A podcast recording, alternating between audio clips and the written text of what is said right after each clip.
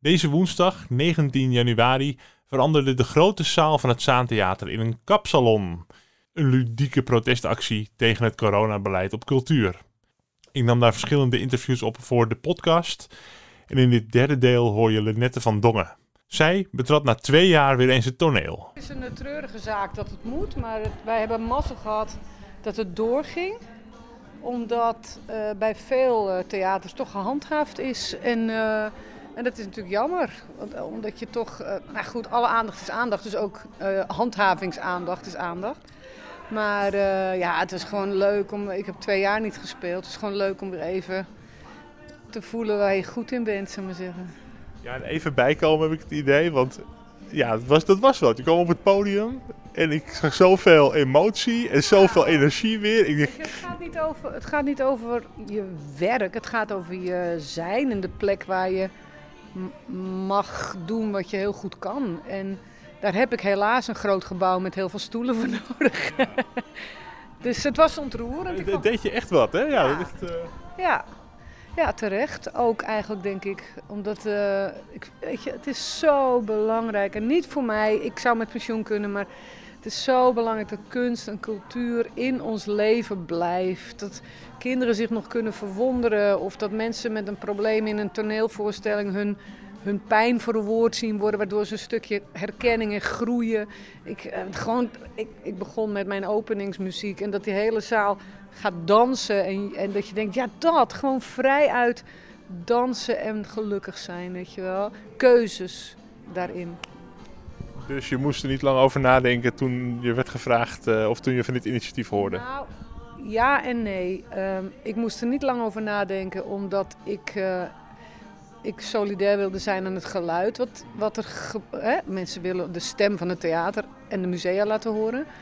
Maar zelf, ik heb nu twee jaar niet gewerkt. Ik ben natuurlijk compleet in de, in de niet-optreedstand. Dus om opeens weer die mevrouw met het lawaai uit de hoes te halen.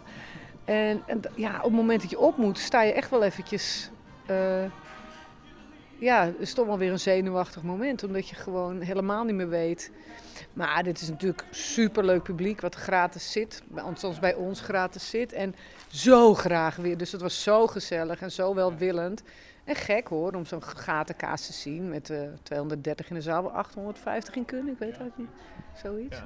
Maar het, is ook weer, het levert je ook weer materiaal op. Want je maakt grappen over naar de sportschool gaan en dat je geen conditie meer hebt. Terwijl je Ja. normaal gesproken over het podium springt. Ja, nou, ik heb, ik heb natuurlijk. Kijk, ik kan niet opeens zeggen. Die jongens kunnen. Dolf is daar fenomenaal. En die kan gewoon ter plekke nieuw materiaal verzinnen. En dus ik had een paar oudere stukjes, maar opge, opgebakken, zou ik maar zeggen. Zoals je een restje stampot opbakt. eh, in de vorm. Dus het is niet helemaal herhaald op niks af, maar wel eh, in de vorm gegoten.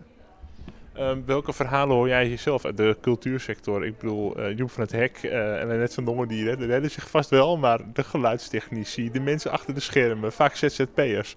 Hoor jij de geluiden van?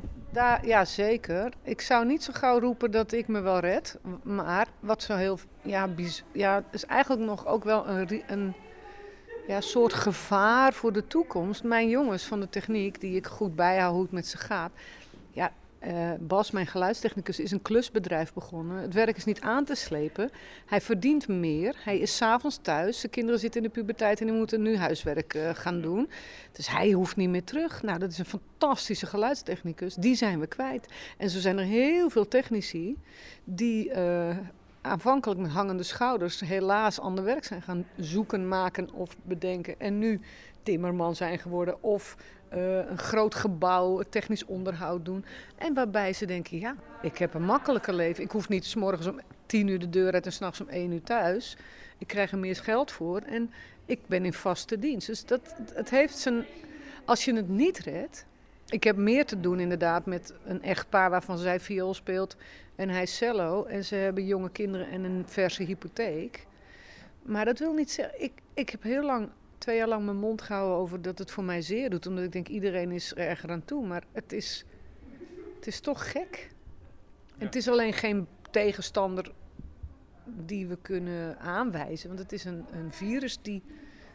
Nou, dan kan je, nuance van het beleid kun je dan bedenken. Beleid kun je. Het is, maar het is soms, het was op een gegeven moment bij die laatste persconferentie was ik echt even een week down. Dat ik denk, hoe dan met die Formule 1 mochten we helemaal uit ons plaat. Iedereen mocht met zijn koffertje naar Oostenrijk. Kom maar weer terug met die koffer voor virus. Dat je denkt, laat iedereen dan gewoon thuis zitten, weet je wel. Ja, dat is En wel. dat eh, gun ik niemand, by the way. Maar je kan soms wel... Ik schoot even in de, in de arme ik. Weet Ja. je wel, waarom dit vak zo onderbelicht? ligt het dan ook aan de lobby die er gewoon bij de.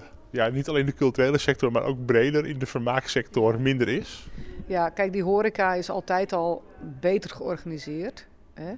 En eh, ja, wij zijn allemaal goed bedoelende kleine sch- schrijfmensen, maakmensen.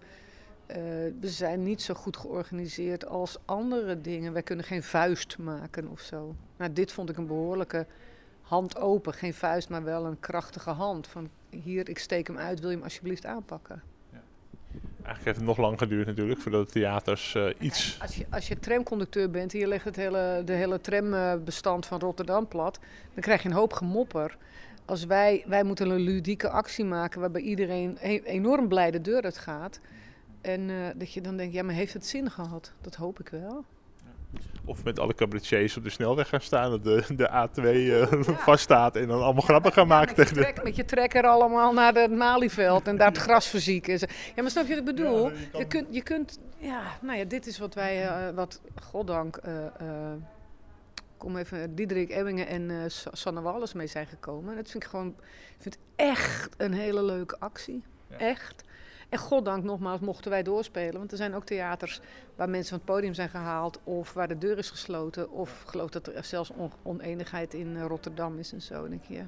Dus dan kan er een keer in Zandam wel iets wat in Amsterdam niet kan. Dat is Ja. ook wel eens tof. Ja, maar ik hoor ook dat eh, de Kleine Comedie vier van die eh, dingetjes had. En wij hebben maar één eh, optredentje. en Zo. Was leuk met die kappers en met die mensen.